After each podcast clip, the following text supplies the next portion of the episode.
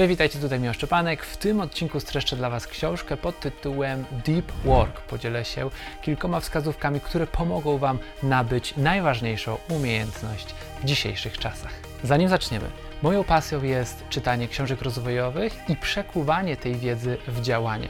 Dlatego stworzyłem społeczność BookTube, czyli miejsce dla osób, które razem ze mną chcą poznawać dwie książki w miesiącu.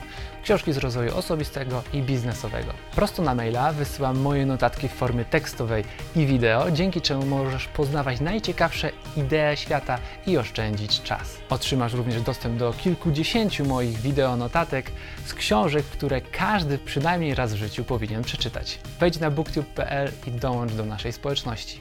Tymczasem przejdźmy do odcinka. Warto sobie uświadomić, że dzisiaj żyjemy w czasach ogromnych rozproszeń.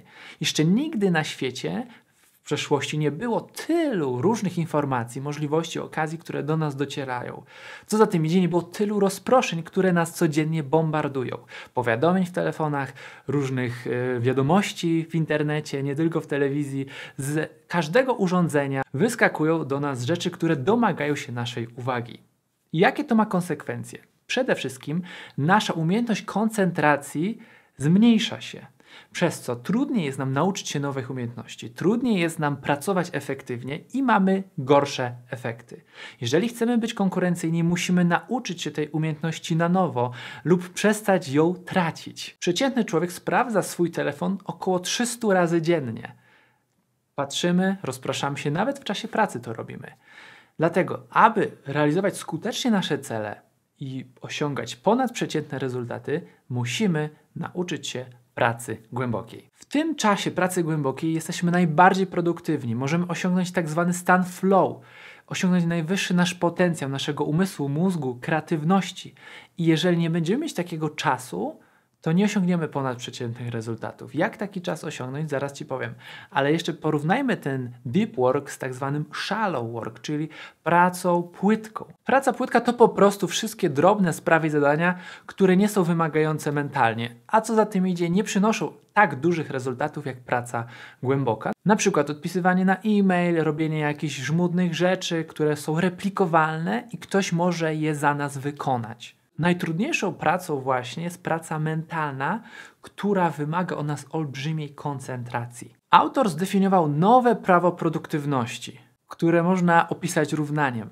Praca, która przynosi świetne wyniki, równa się czas spędzony na tej pracy pomnożony przez jakość skupienia na tej pracy.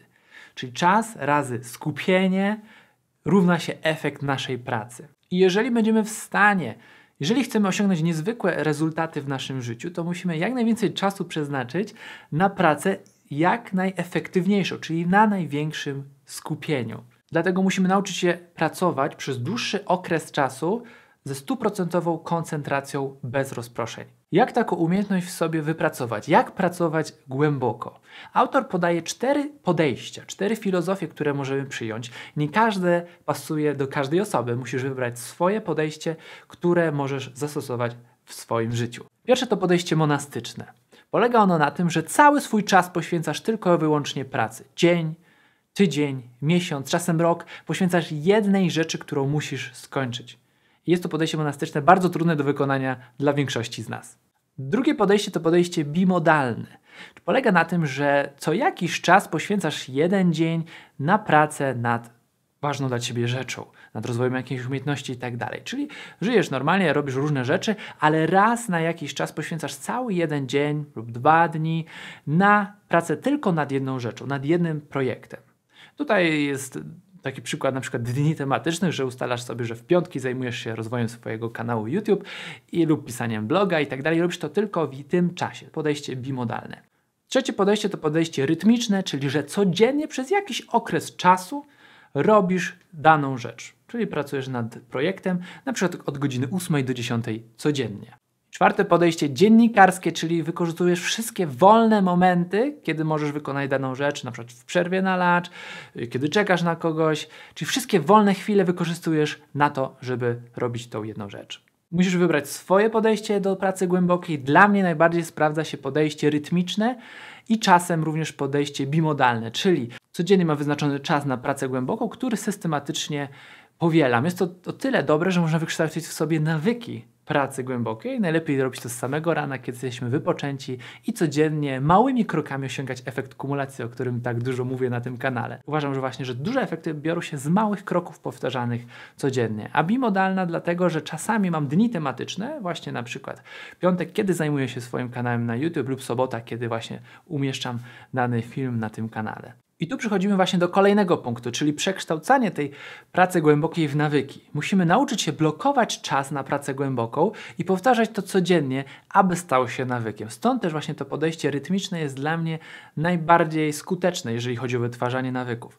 Ale co jest ważne, musimy być 100%, 100% zaangażowani w kreowanie tego nawyku. Czyli przez około 30-60 dni musimy powtarzać ten rytm pracy, codziennie stawać się na przykład stawać o 8 rano i do pracy, zaczynać do 10 robić to, co sobie zaplanowaliśmy, aby nasz mózg wiedział, że teraz jest czas na pracę. Oprócz czasu na pracę musimy sobie przeznaczyć czas na rozproszenia. Autor mówi, żeby znaleźć taki czas, kiedy właśnie będziemy przeglądać internet. Kiedy będziemy sprawdzać powiadomienia? Kiedy będziesz sobie sprawdzał inboxy, e-maile i tak dalej? Żeby nie mieszało się to z pracą. To też jest takie zjawisko jak context switching, czyli zmiana kontekstu. Jeżeli przeskakujemy z jednego trybu pracy na drugi, z deep work na shallow work, to rozbijamy się w tej pracy. Jeżeli osiągnęliśmy jakiś stan flow i pracujemy, pracujemy przez 40 minut, bo tyle potrzeba, aby osiągnąć ten stan flow, to jeżeli wyskoczy nam jedno powiadomienie, natychmiast tracimy tą koncentrację, natychmiast tracimy ten stan flow i potrzebujemy znowu czasu, żeby wejść na ten pułap. Dlatego musimy mieć czas, kiedy pracujemy, odciąć się zupełnie od zewnętrznych rozproszeń i czas, kiedy odpoczywamy, kiedy możemy sobie pozwolić na rozproszenia, kiedy przeglądać internet i tak dalej, żeby to był czas intencjonalny, a nie przypadkowy. Hej, dzięki za zapoznanie się z tymi fragmentami notatek. Jeżeli chcesz poznać więcej ciekawych idei z tych książek, wdrożyć wiedzę w swoje życie, to dołącz do BookTube'a, link pod tym filmem, do społeczności ludzi, którzy chcą wdrażać wiedzę z książek w swoje życie. Do zobaczenia w następnym odcinku.